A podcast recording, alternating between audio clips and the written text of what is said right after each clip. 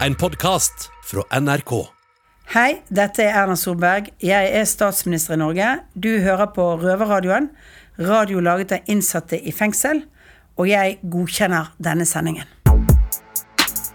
Hei, velkommen til Røverradioen her på Bredtvet. Jeg heter Tina, og i dag eh, skjer det store greier. Først og fremst så har vi fått tilbake en gammel stjerne. Hei, Kami. Velkommen. Ja, takk skal du ha. Kjempekoselig å ha deg tilbake igjen. Og litt av en ilddåp du får i dag, da. Ja, ja Det, vi, vi skal ha besøk av eh, selveste Erna Solberg. Ja, store Ja. greier. Kult at hun valgte å komme hit til oss og ikke tok turen innom Oslo fengsel. Til gutta, ja. Ja. ja. Hvordan føles det? Ja, jeg, vet, jeg vet ikke hvem skal grille hvem, men det, det skal vi finne ut av. Ja, men du er klar? Gøy blir det. Yes. Klar som et egg, jeg også. Men eh, da stikker jeg ned til porten jeg, og tar imot Erna Solberg og følget hennes. Og så ses vi etterpå på biblioteket. Ja, jeg tar turen dit nå, og yep. så snakkes vi. Det gjør vi. Vi er klare, vi. Ja, ja, ja. Er den på nå? Ok, greit. Hei. Hei.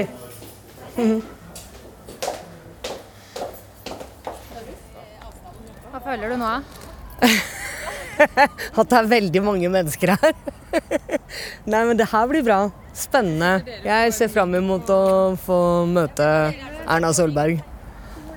Ok. Da står vi her og venter på at statsminister Erna Solberg skal komme inn av porten. Titter utover fengselsområdet, og det ser jo like sørgelig ut som det pleier. Fire meter lange gittervinduer, holdt jeg på å si, gittergjerder med en halvmeter um, piggtråd på toppen. Mange fint kledde offiserer her i dag. Alle sammen er kledd mye bedre enn jeg noen gang har sett dem før. Hva kan det komme av? det er sant. Men eh, det er jo ikke så ofte Bredtvet får storfint besøk, så det blir spennende å ta med inn her hvor jeg bor, og vise rundt tenker jeg. Mm, dette blir bra.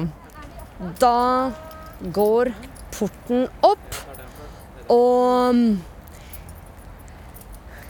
inn på gårdsplassen kommer nå flere biler med statsministerens følge. Det er klart hun skal vel ha med seg masse livvakter og alt annet. Jeg får litt sånn déjà vu til amerikanske filmer hvor venter halvt om halvt at Politiets sikkerhetstjeneste hopper ut med dratte våpen, men det er vel kanskje å håpe på litt for mye. Vi er jo i Norge, tross alt.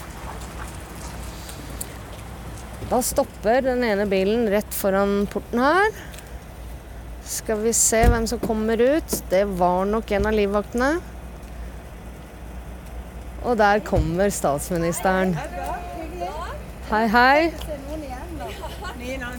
Hei, jeg heter Tina. Velkommen til Bredtvet eh, fengsel og forvaringsanstalt for kvinner. Hva vil du at jeg skal kalle deg? Eh, Det går helt fint. takk for det. Da tenkte vi at vi skulle vise deg litt rundt her. Veldig hyggelig.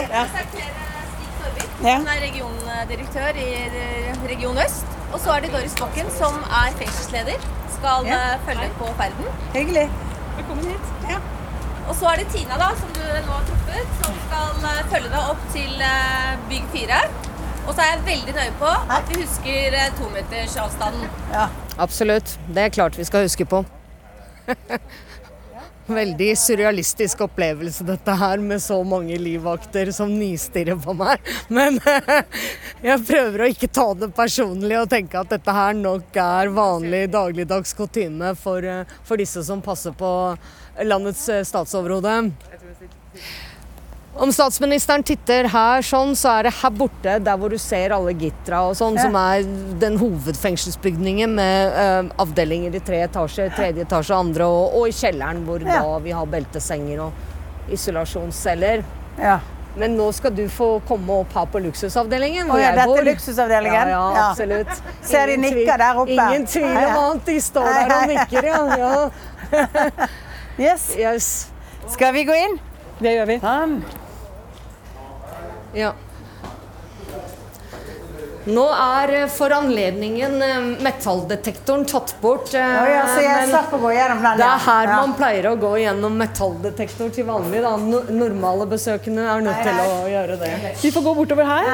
Ja, Så så, så her er det nede Her blir man visitert etter at man kommer fra permisjon, f.eks. Så finn ut at du ikke har tatt med deg noe du ikke skulle ha med deg. Nei, ja, nemlig. Det er viktig å, å sørge for det, ja. Ja. Så den avdelingen vi kommer opp til nå, det er jo da Som jeg sa, luksusavdelingen. ja. Det er, selv om det fremdeles innafor høysikkerhetsfengselet, så er det et skritt på veien ut i frihet allikevel. Så det betyr at mange av de som kommer her først, havner på den avdelingen der? Alle havner Havner der. der på, ja. Ja, alle havner der. Først gjerne på treeren. Eller sånn som nå med korona, så er det lagd en koronaavdeling. ja. Ikke fordi vi har så mange koronaer her, men fordi at i fall at på toeren Og så er det Der er det mye mindre rom, naturligvis, og sånn, så du skal få se på cella mi nå her etter Ja, hvert. ja. Men den er altså da på ikke noe vis representativ for hvordan de fleste fanger opplever hverdagen sin her inne. Sånn at dette her er um, Selv om det som sagt er høysikkerhet, så er det allikevel veldig fritt. Det er ikke gitter for vinduene. Vi får lov, ikke nå når det er korona, men vi får lov å gå tur i nærområdet. Normalt sett kan vi handle utenfor også. Så det er liksom et skritt på veien til en åpen soning nå. Men her inne må du da bare være ute i luftegården bak der, eller på Ja, det der er den lille luftegården. Der går jentene ut som bor i det store bygget og røyker. Og så har vi en litt større luftegård hvor man kan gå litt mer. Ja, for å få litt bevegelse. Ja, nemlig når vi kommer inn på kjøkkenet her på avdeling 4, så kan du titte ut på den store luftegården. Få se på den, da. du- Ja. ja. Og du har ryddet selv? Nei, den ser ut som den alltid pleier å være kaotisk, vet du. Ja da, jeg liker å ha orden, jeg, så det, Ja, ja, ja, det er-.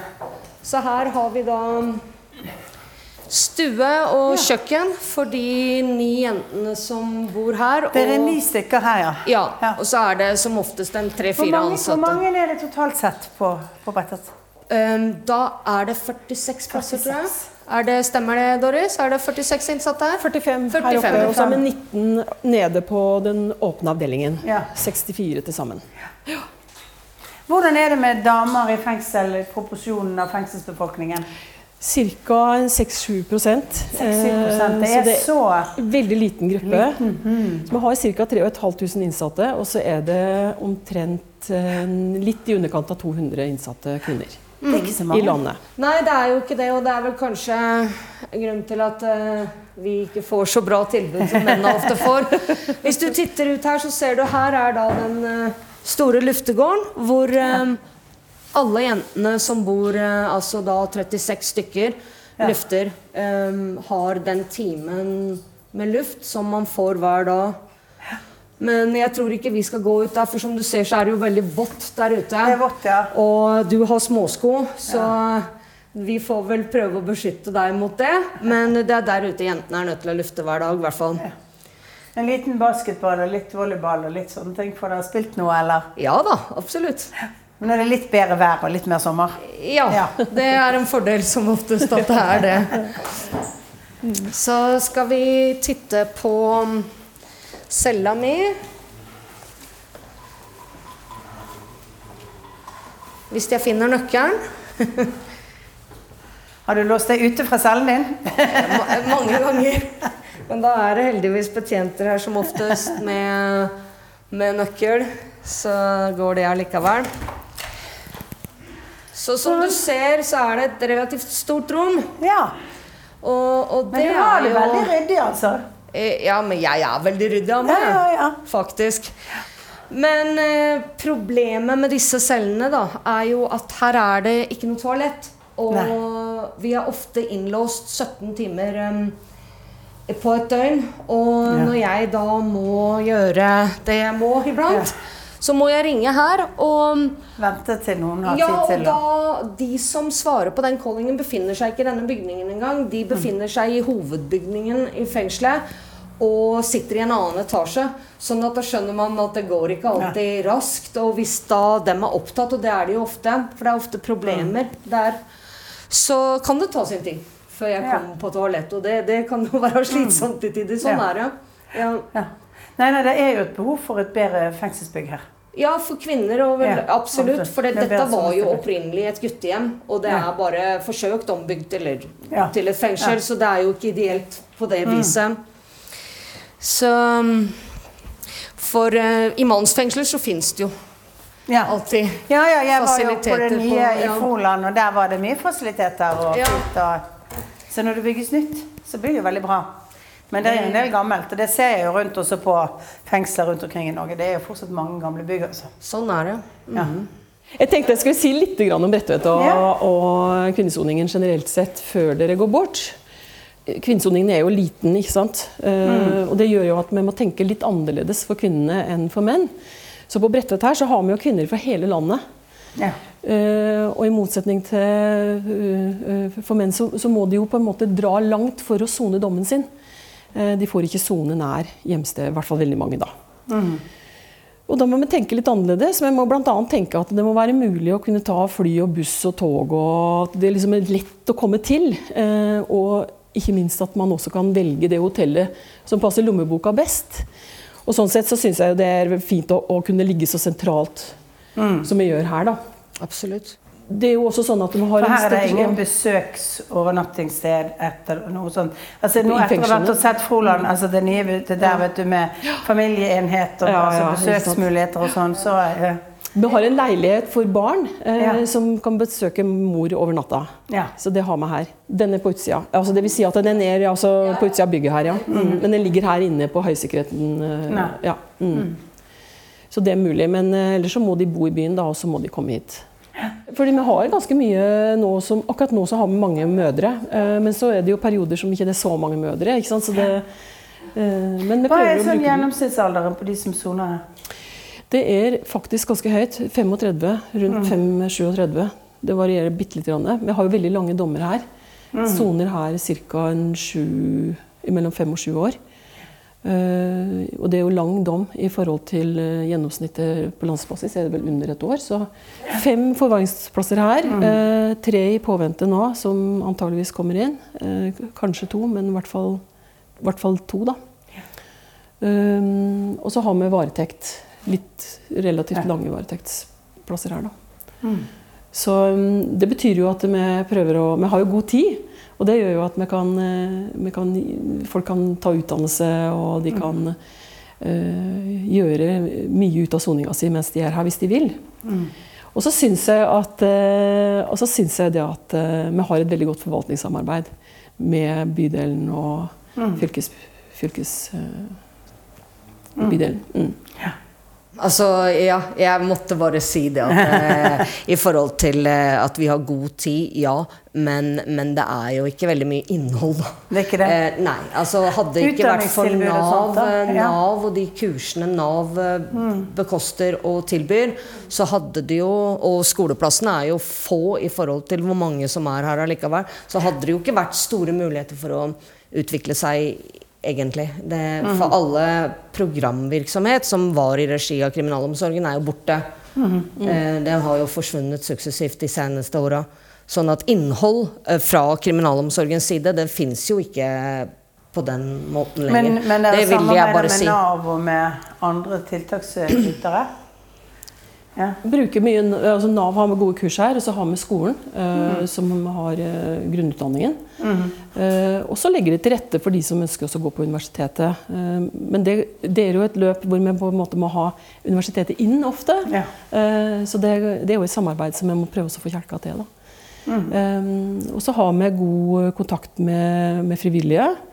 Røde Kors, Wayback eh, og ikke minst ikke minst uh, Frelsesarmeen, og det er mange som er inne. Og så har vi sånn som Røverradioen, som har sitt arbeids... uh, uh, sin arbeidsplass bl.a. her, og som sender eh, hver uke. Og det er jo kjempebra tiltak, fordi det er jo også en veldig lærerik plass å jobbe. Veldig. Så det er jo mye innhold her, og det er veldig mye kultur. Kjempeglad for Røverradioen, ingen tvil om det. Ja, det er jo helt unik i verdenssammenheng også å, å ha en røverradio. Men dere sender herfra, og så sender dere fra Fra? Eidsberg, Bergen, Oslo Ja, så det går på, fengsel. Ja. går på omgang rundt omkring, ja. Så som oftest så er det jo gutta som får mest sendetid. Det er jo det, for vi er så få, vi kvinner, i forhold til eh, Så at eh, Nei, 6-7 da. Men, Ja. eh, men er det man snakker om når gutter har sending, like relevant for dere damer? Jo, men de tar jo opp eh, allmenngyldige spørsmål som gjelder oss alle. Det er isolasjonsproblematikk, ja, inn, lange innlåsningstider. Sånn, Sånne saker som, som gjelder alle som sitter i fengsel i Norge. Ja. Så absolutt. Ja. Men det er jo kult å få deg hit, da, til Bredtvet. Når, det det. når vi først har en kvinnelig statsminister, så er det jo eh, Ja. absolutt på tide Ja. å komme til et kvinnefengsel og, og se hvordan Absolutt. eh, det er Ja. for jenter i Norge å sitte i fengsel. Mm. Ja. Det er her, så har, det er på Evje også i dameavdeling, ikke det der? Så det er fem rene kvinnefengsel. Eh, og så er det eh, noen store anstalter som også har kvinneavdelinger. Blant annet i Trondheim og Bergen og Stavanger. Eh, men vi ønsker i kvinnesoningsstrategien For vi har lagd en kvinnesoningsstrategi som vi har jobba bra med. Eh, og der ønsker vi på en måte at alle kvinner skal få sone i eget fengsel. Og det er eh, en bedre løsning, rett og slett, fordi det, er, eh, det gir litt ro. eh, Og det kjønnsperspektivet blir så sterkt i fengsel. Noen syns det er ålreit å sone sammen som menn, men veldig mange ønsker å ikke sone sammen som menn. Hva syns du? Nei, jeg syns at det er greit å sone med bare kvinner. Derfor at eh, sånn jeg ser det, så behøver vi å beskytte de mest sårbare kvinnene. Og mange har opplevd problematiske forhold til menn på utsida. Og derfor så er jeg prinsipielt imot å sitte med menn. For jeg tror ikke vi får ivaretatt kvinners eh, behov på den måten. Mm. Yes. Jeg er enig i det. Ja. Men det som er utfordringen når det er 67 av, av, av de innsatte som er kvinner, og du får denne avstandsbiten, da, at det er vanskelig å finne et fengsel nært. Det er jo det store problemet med det nybygde Evje fengsel. Til tross for at det er fint og nytt, så ligger det jo langt inne i skogen. Sånn at, ja, men det gjør jo det, dessverre. Og, og hvis man da f.eks. er fra Oslo, da, eller fra Finnmark for den saks skyld, og blir sendt dit, du, du blir jo helt isolert. Og, og hvem har råd til å reise hele landet rundt for å besøke noen i Sånn som her, besøk en time en gang i uka.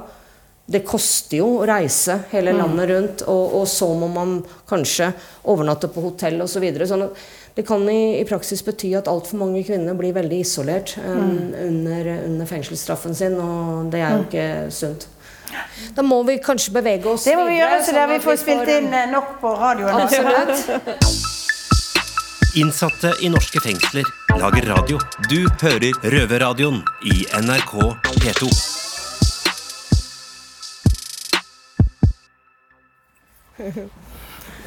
Da kommer vi inn her på skolen. Ja. Som du ser, her er det klasserom på høyre hånd her. hei. Er det... Ja, så her er klasserom, og her er Ja, her er det også klasserom, og så Ja. er det fine biblioteket vårt nederst her. Ja. Hei, hei. Sånn.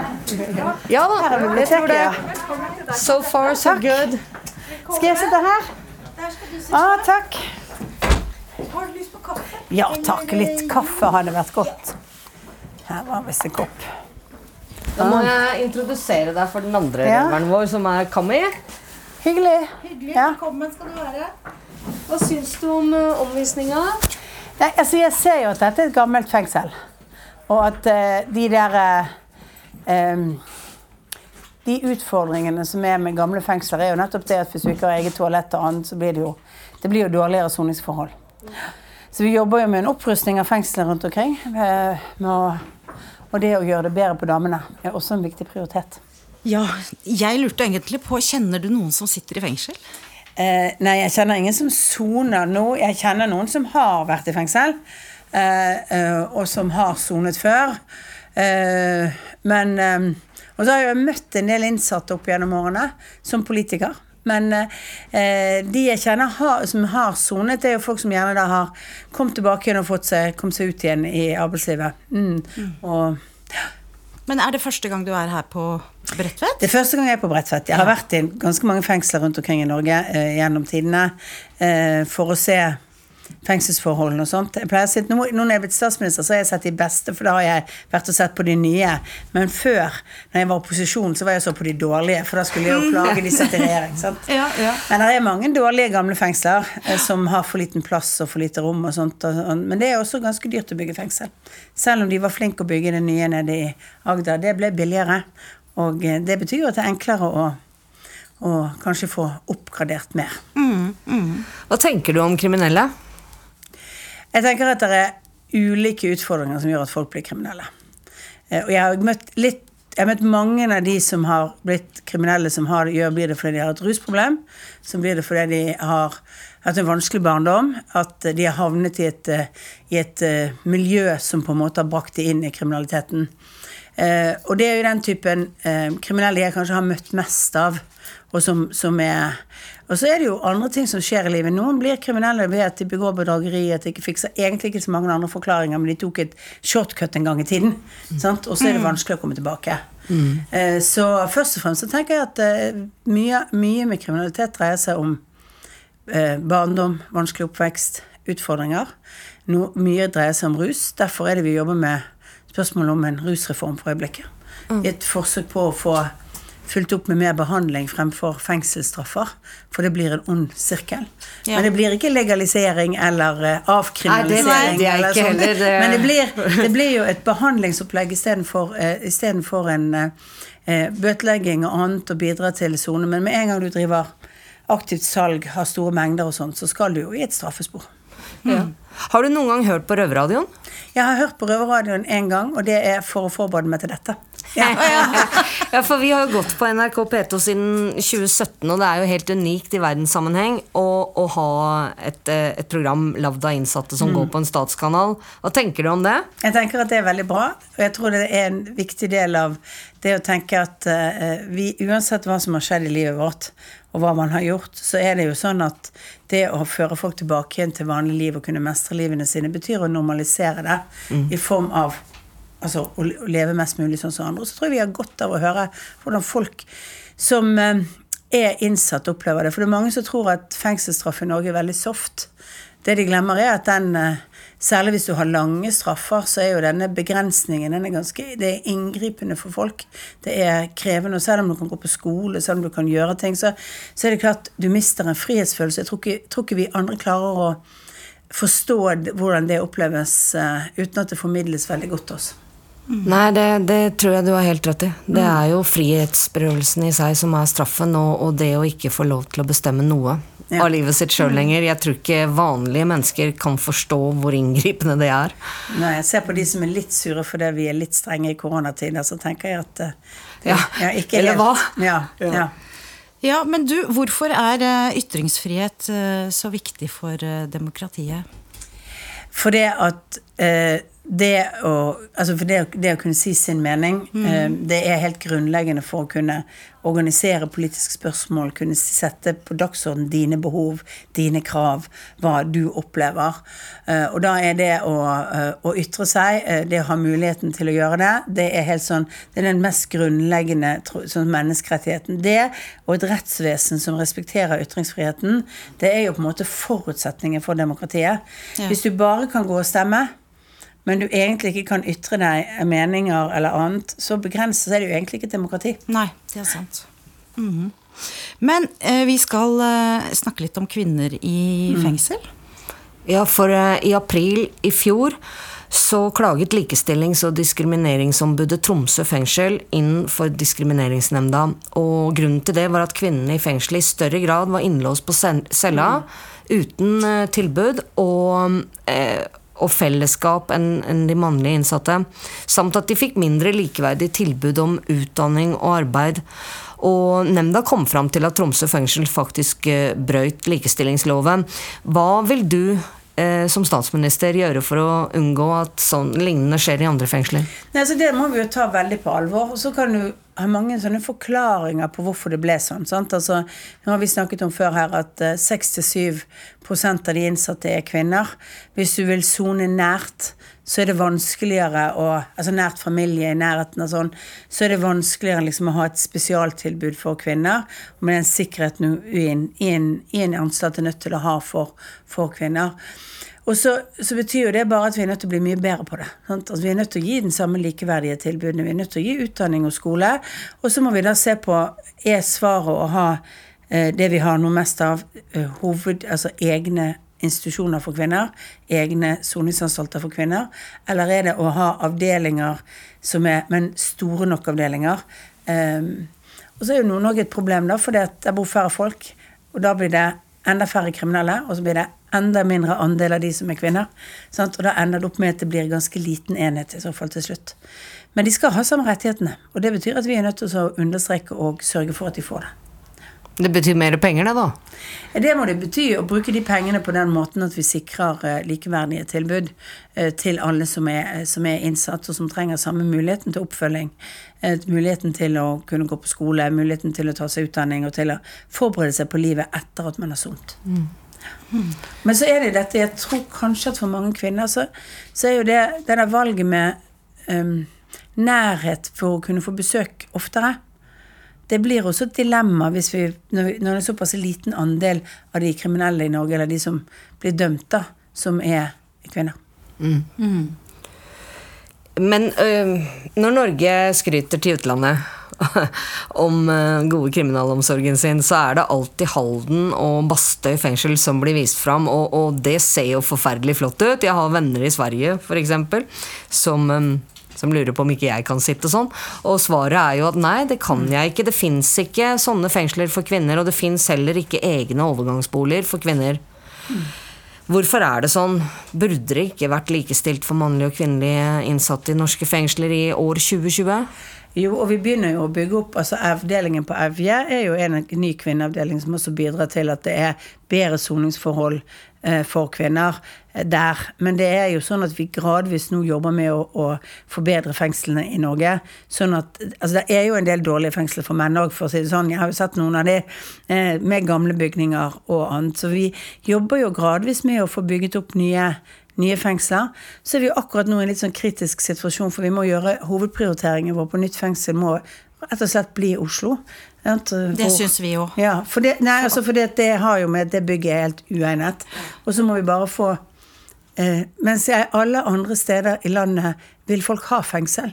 Så av en eller annen merkelig grunn i Oslo så vil de ikke ha fengsel. Er der hvor vi mener det burde være. Ja. Det syns jeg er litt rart, for uh, andre steder ser de arbeidsplasser, muligheter og ting, og uh, gjerne vil ha det. Men Oslo har det vært litt vanskeligere å finne et godt sted å bygge på.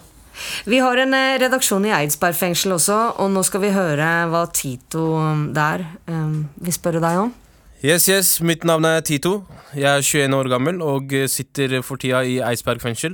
Spørsmålet jeg ønsker å stille, er hva syns du om at unge innsatte under 18 år soner i høysikkerhetsfengsel med voksne innsatte? Vårt mål er at de flest mulig unge under 18 år skal sone i spesielle eh, ungdomsavdelinger. Og det bestreber vi oss på. Vi har jo bygget mer plasser, og vi ønsker å ha enda flere plasser av det.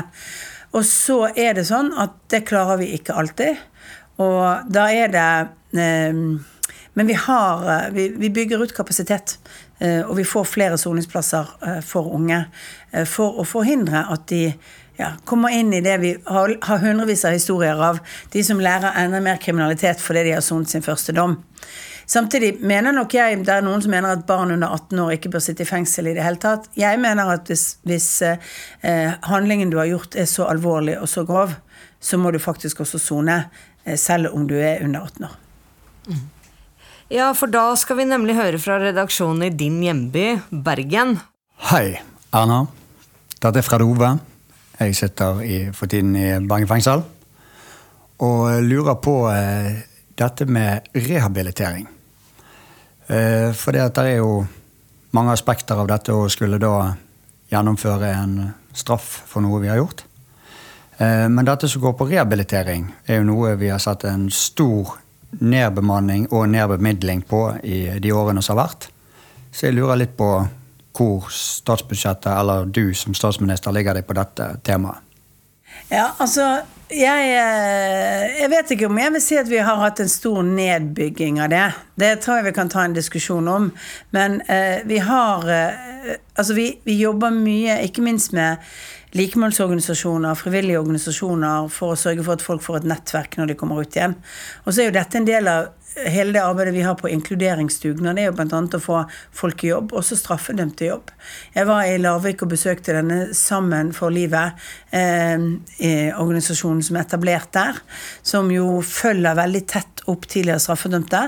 Og jeg ser jo at det som er utfordringen, er Uansett om du liksom ikke har et rusproblem, ikke har noen andre problemer, men du har sont en lang dom, så er det veldig vanskelig å komme tilbake igjen i arbeidslivet. Så den tette oppfølgingen for at folk kan få en mulighet til å starte, mulighet til å prøve seg, det er ekstremt viktig. Og da tror jeg det er en vanlig, ordinær jobb, og ikke mer kurs og ikke mer etter og videre, altså mer alle den typen aktiviteter, men en vanlig jobb, som er kanskje det aller viktigste. Og så tror jeg at noe av det eh, siden såpass mange som er dømt i Norge, også har et rusproblem Jeg tror jeg vi må være ærlige om at det et rus er en stor del av de som blir dømt i Norge, har et rusproblem. Så er det å ha ettervern på rus viktig. Det å sørge for at det er et fritidstilbud, en aktivitetstilbud, en mulighet til å gjøre andre ting som er viktig. Og Derfor har vi støttet en del de organisasjonene sånn som Wayback og andre som bidrar til den typen aktiviteter for å gi et nettverk av andre som kan gjøre at du kan holde deg under kriminaliteten og kanskje under rusen. Men dette er kjempevanskelig. Det er kjempevanskelig for den enkelte. Og så er det kanskje sånn at man tror at ting skal gå lettere når man går ut. Iallfall kanskje første gangen man kommer ut eller annet. Eh, men vi trenger et samfunn som gir folk en ny sjanse. Og det er kanskje Absolutt. det aller viktigste. Det gjelder om du har et rusproblem, om du har psykiske problemer, om du har vært i fengsel. Så trenger vi et samfunn som er romsligere på å gi folk eh, en ny sjanse. Og Derfor har vi jo da masse virkemidler i arbeidsmarkedspolitikken vår, sånn lønnstilskudd og veiledninger og masse av den typen ting som vi driver med for å, for å følge folk bedre opp. Men eh, din regjering innførte i 2015 noe som het ABE-reformen, hvor man har kutta i alle statlige virksomheter for å spare penger. Men er ikke det bare som å tisse på seg sjøl litt for å holde varmen når du fryser av? Det er jo ikke noe forskning som viser at straff i seg selv er rehabiliterende. Nei, men vi har også faktisk gode oppfølginger for at man skal kunne få tilbud om utdanning og annet. Vi sitter jo nå i en biblioteket på et skolebygg knyttet til, til fengselet her. Sånn at uh, vi jobber jo mye med at det også skal være til stede. Men jeg har lyst til å si ABE-reformen gjennomførte vi fordi vi tror at uh, hvis du skal bruke pengene på en god måte, hvis du skal se hva du kan slutte å gjøre med, og hvilke nye ting du skal drive med, så, så er det bedre at eh, moderniseringen skjer nedenfra og opp. Og da er du bedre på å se hva du kan drive effektivt Eh, nede i organisasjonen, enn til sitter noen på toppen og bare kutter i store bunker og lager store reformer. Og vi tror faktisk at dette virker veldig bra. Vi tror det, og Så sier vi at så må vi da gå inn og gjøre en vurdering av er det i denne organisasjonen og dette området et behov for å gi en styrket tilskudd. Nå er En av de tingene vi gjør nå, er å omorganisere litt på ligger i Stortinget, et forslag om hvordan vi organiserer kriminalomsorgen. Vi tror jo, og Så skal vi flytte de pengene ned i førstelinjen istedenfor å ta vekk det regionale nivået. Sånn at vi kan avbyråkratisere litt av måten vi jobber på. Og da får vi også disponibelt mer penger. Det hørtes bra ut. Ja, det hørtes bra ut, ja. men Ja, det, vi som sitter i fengsel, vi har jo merket oss at innholdet i fengsel har eh, forandret seg. Og eh, de siste årene. Og Aktis de har gjort en eh, undersøkelse blant ansatte i kriminalomsorgen. Og der har de kommet frem til at eh, hele 78% mener at kvaliteten på arbeidet som eh, gjøres for å klargjøre den eh, innsatte til et liv etter soning, har blitt dårligere de siste to årene.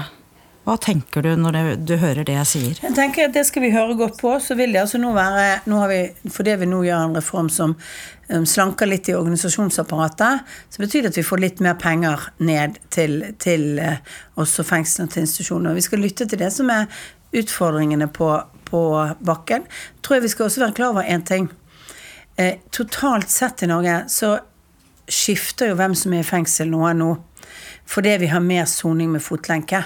Vi har mer, altså lettere tilfeller, de som ikke trenger så mye oppfølging og sånt. Så det vil nok oppleves også som tyngre for mange av de som jobber her, med at flere av de som sitter inne, sitter på lange dommer. Og flere sitter inne med annen bakgrunn enn norsk, som også gjør det noe av dette vanskeligere. Så jeg skal ikke undervurdere at det er tungt for de som jobber i sektoren, at det er blitt mer krevende. Eh, hva tenker du er effektfull kriminalomsorg?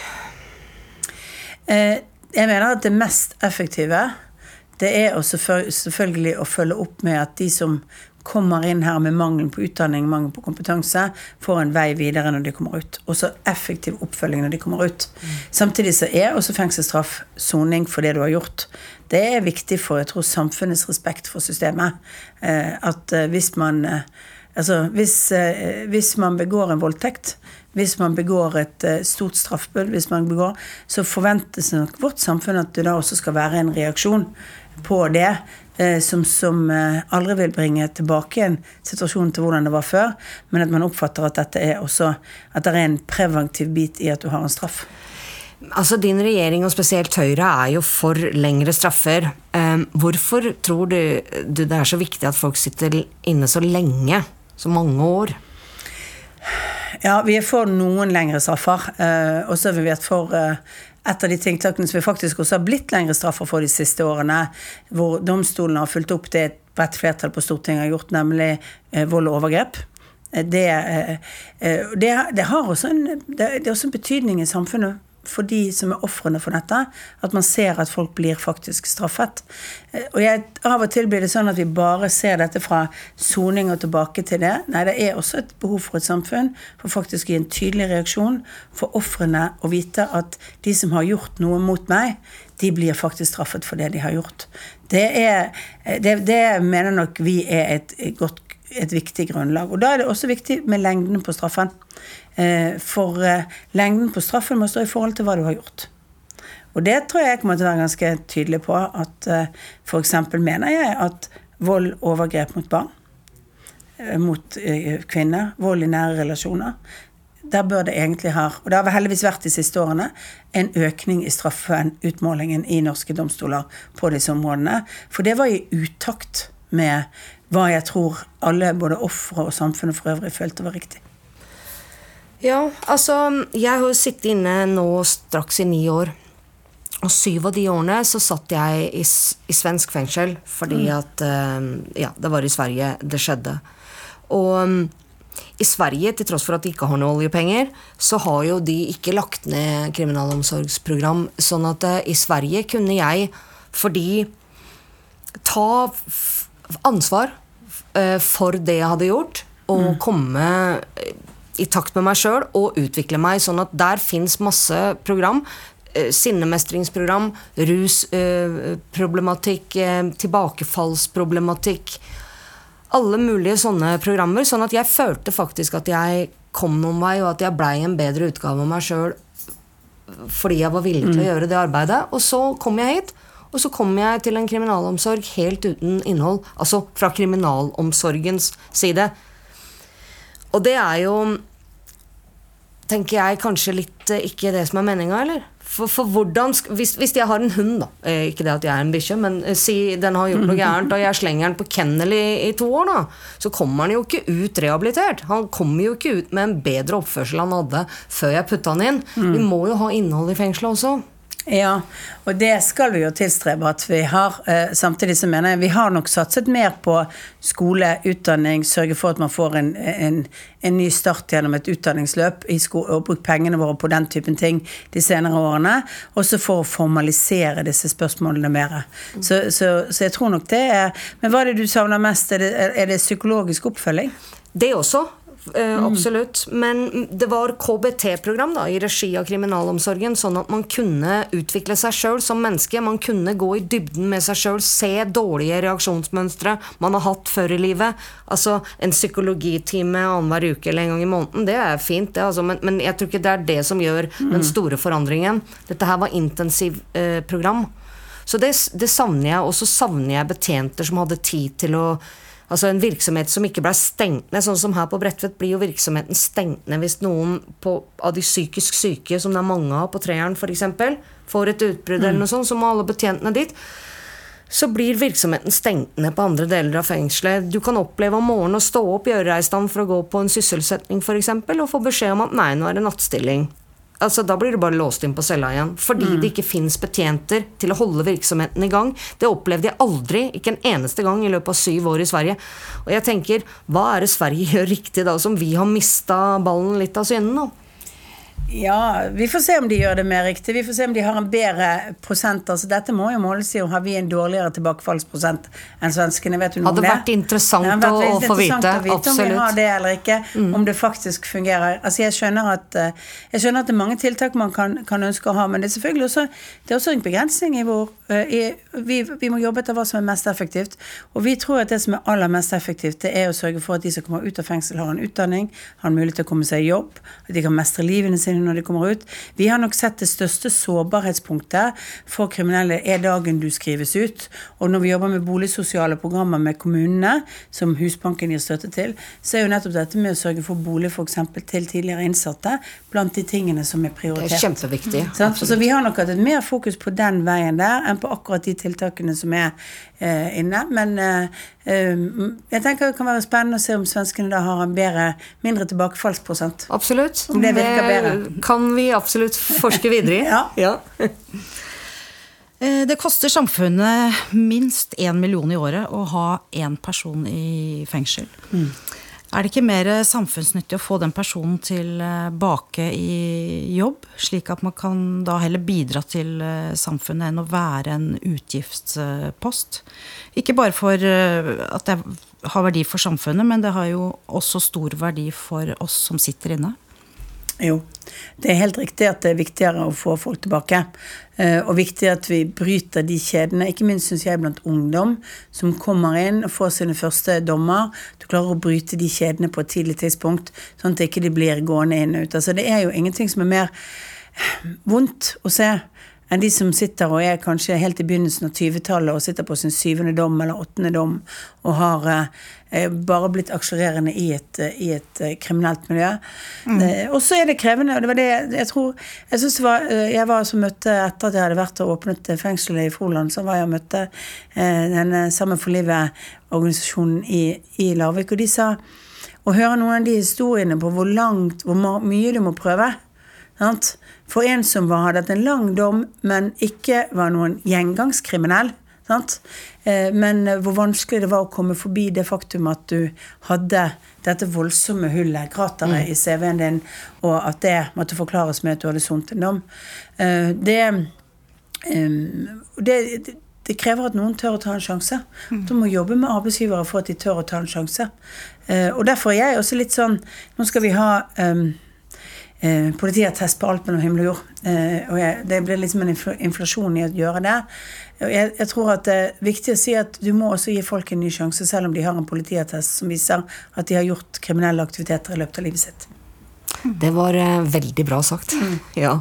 Eh, da skal vi høre fra Oslo fengsel eh, hva de vil spørre deg om. Det er Christian Og Carl. I Oslo fengsel. I loven står det at vi innsatte skal være ute av cella i minst to timer hver dag. Men KDI, Sivilombudsmannen og flere andre anbefaler at vi bør være ute av cella og sammen med andre i minst åtte timer hver dag. Ja, rett og slett, for det er skadelig. Man blir syk av å sitte så mye alene. Her i Oslo fengsel er det mange som er innelåst over 20 timer i døgnet.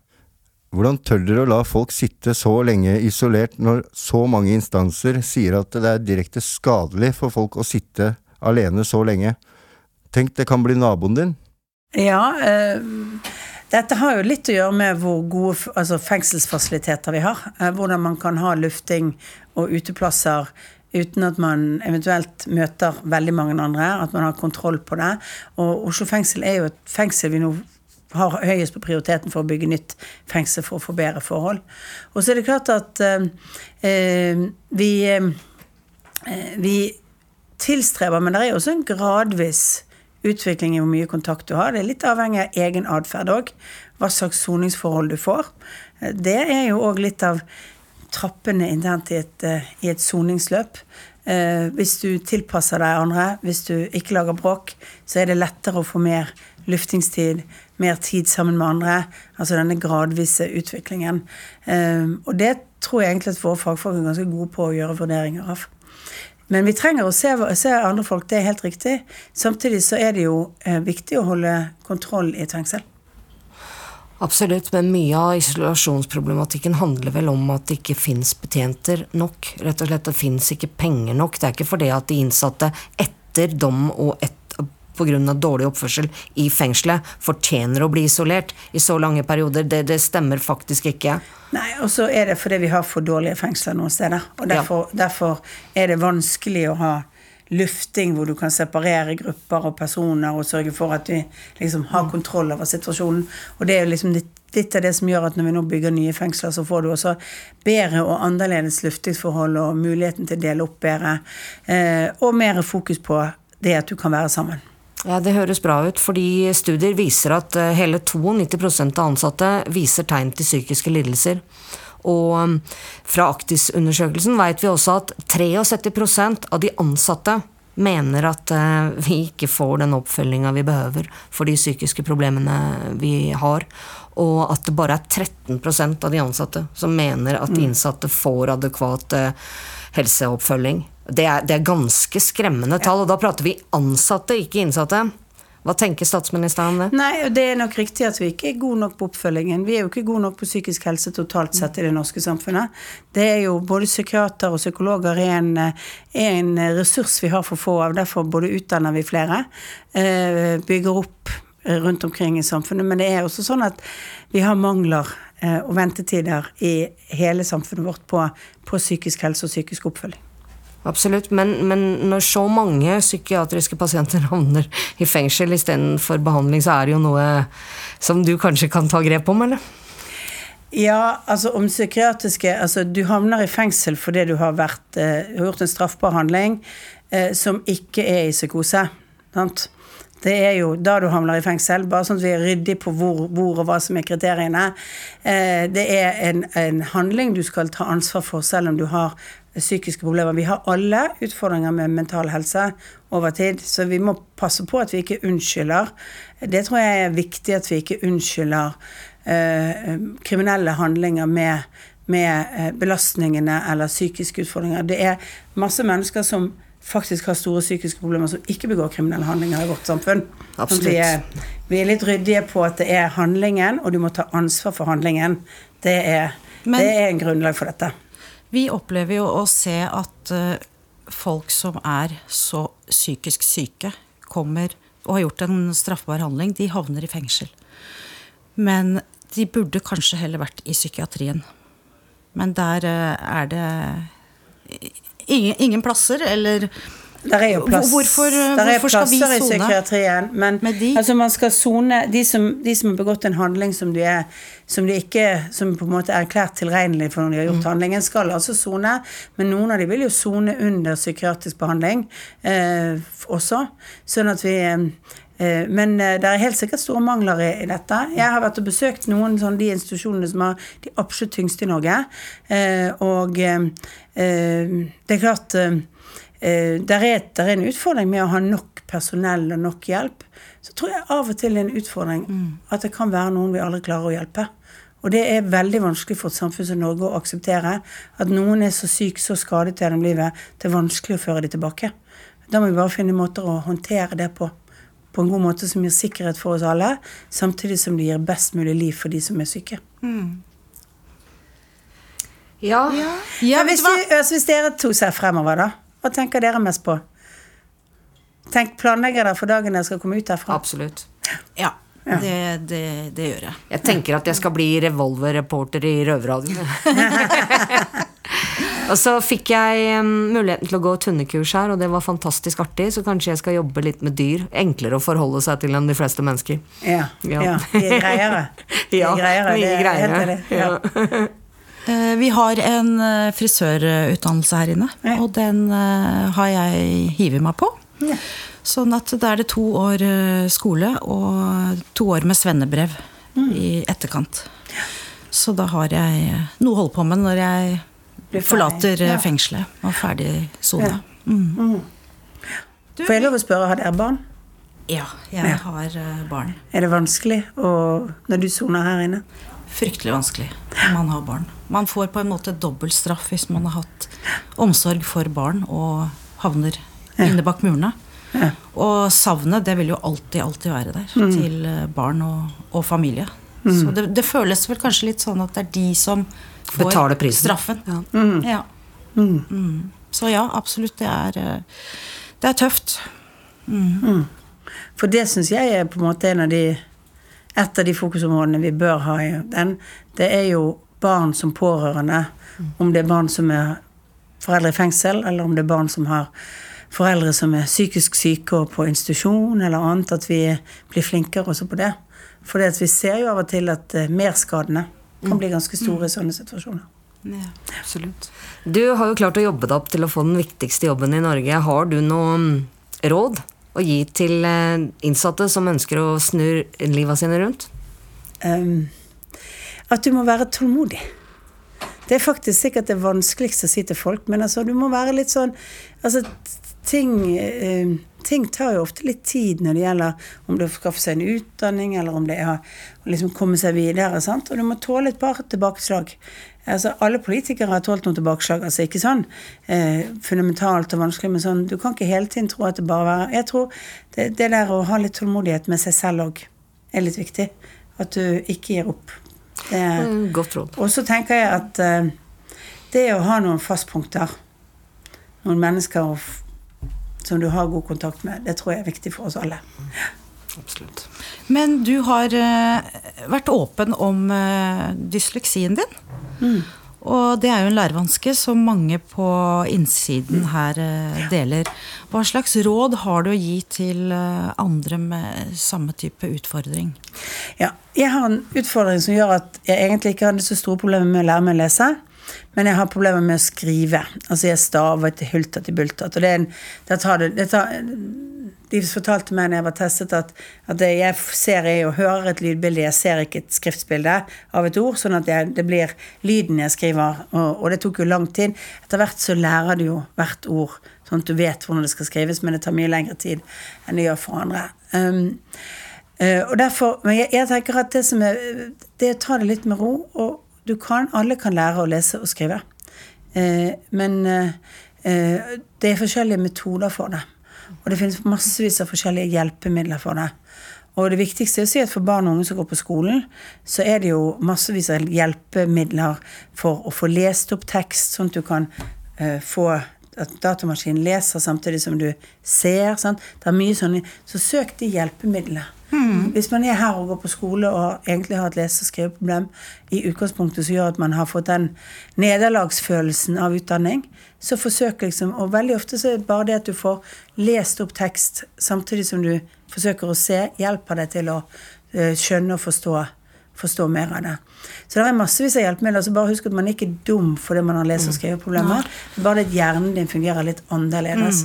Og det er mange ganske glupe folk som har blitt eh, som har lese- og skriveproblemer. Albert Einstein, som en av mange mener er blant de glupeste i verden, han, eh, han hadde også lese- og skriveproblemer. Ja. Vi må bare spørre deg. Har du noen gang gjort noe kriminelt, Erna Solberg? Jens Stoltenberg han innrømma jo f.eks. at han hadde røyka hasj en gang. Kan du by på noe like saftig, eller? Uh, har jeg uh, Altså, jeg har jo helt sikkert kjørt for fort. Jeg har aldri blitt tatt for å kjøre for fort. Og så er jeg egentlig litt sånn passiv. Eh, passiv kjører sånn, sånn. Men jeg, min mann kjørte bak meg en gang. Vi hadde to biler, vi var på tur et eller annet sted og skulle forskjellige steder. Da gjorde han meg oppmerksom på at jeg hadde altså kjørt 80 i en 50-sone når han lå bak. Så det er sånn, eh, jeg tror ikke jeg har noe så veldig mye mer juicy, juicy ting eh, enn det som er på en måte den eh, eh, kriminelle løpebanen, nei. Eller ulovlige. Men, men altså, du er altså da en fartsgærning, ja? Eh, egentlig ikke, for det er veldig uvant meg. Jeg, jeg, jeg er mer den som kjører inn til siden og slipper køen bak meg forbi. Egentlig, men eh, litt uoppmerksom på skiltene, kanskje. Ja. Ok. Ja, helt til slutt. Vil du si noe til innsatte i norske fengsler? Ja. Eh, først og fremst eh, si at eh, det er veldig viktig at man tenker på at verden ikke trenger å være sånn som den var når man kom inn, når man kommer ut. Og det å tenke at man skal planlegge for den verden etterpå. Eh, og så tenker jeg at alle Det er veldig forskjellig, men mange opplever kanskje med sine egne handlinger at de har eh, anstrengt familien sin mye.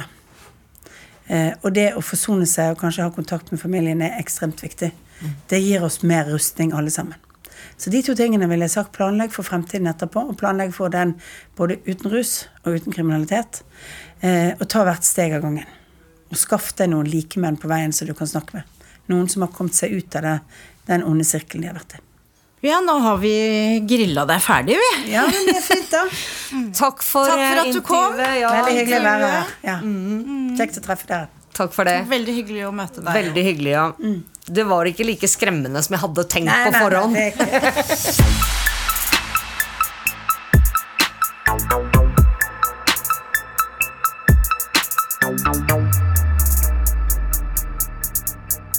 Da har Erna left the building. Åssen syns du dette gikk, da, Kami? Jeg syns det gikk kjempebra. Jeg skulle gjerne ha stilt henne flere spørsmål. Ja, Det er jo ikke hver dag man kan stille Norges statsoverhode kritiske spørsmål om kriminalomsorgspolitikk, så det var jo bare å fyre løs Mm. der. Men wow, streng. det var ikke noe kjære mor der, altså. Jeg tror eh, Ja. Men man blir vel ikke Norges statsminister med å være altfor rund i kanten. Nei, ikke eh, jatte med, sånn som vi gjør til eh, betjentene. Prat for deg sjøl, kjerring. Det gjør ikke jeg, altså. Her skal det ikke jattes verken hit eller dit. Nei, men ærlig talt, jeg syns det gikk eh, bra, jeg. Ja, det syns jeg òg. Var eh, fornøyd med intervjuet. Absolutt. Jeg òg. Så til neste uke så er vi tilbake på Røverradioen på vanlig tid. Den går som alltid på NRK P2 klokka halv ni på søndag. Eller på podkast når og hvor du vil. Tina og Kami vi ut fra Bredtvet. Adios. Røverradioen er laga for og av innsatte i norske fengsler. Tilrettelagt for streitinger av Rubicon for NRK.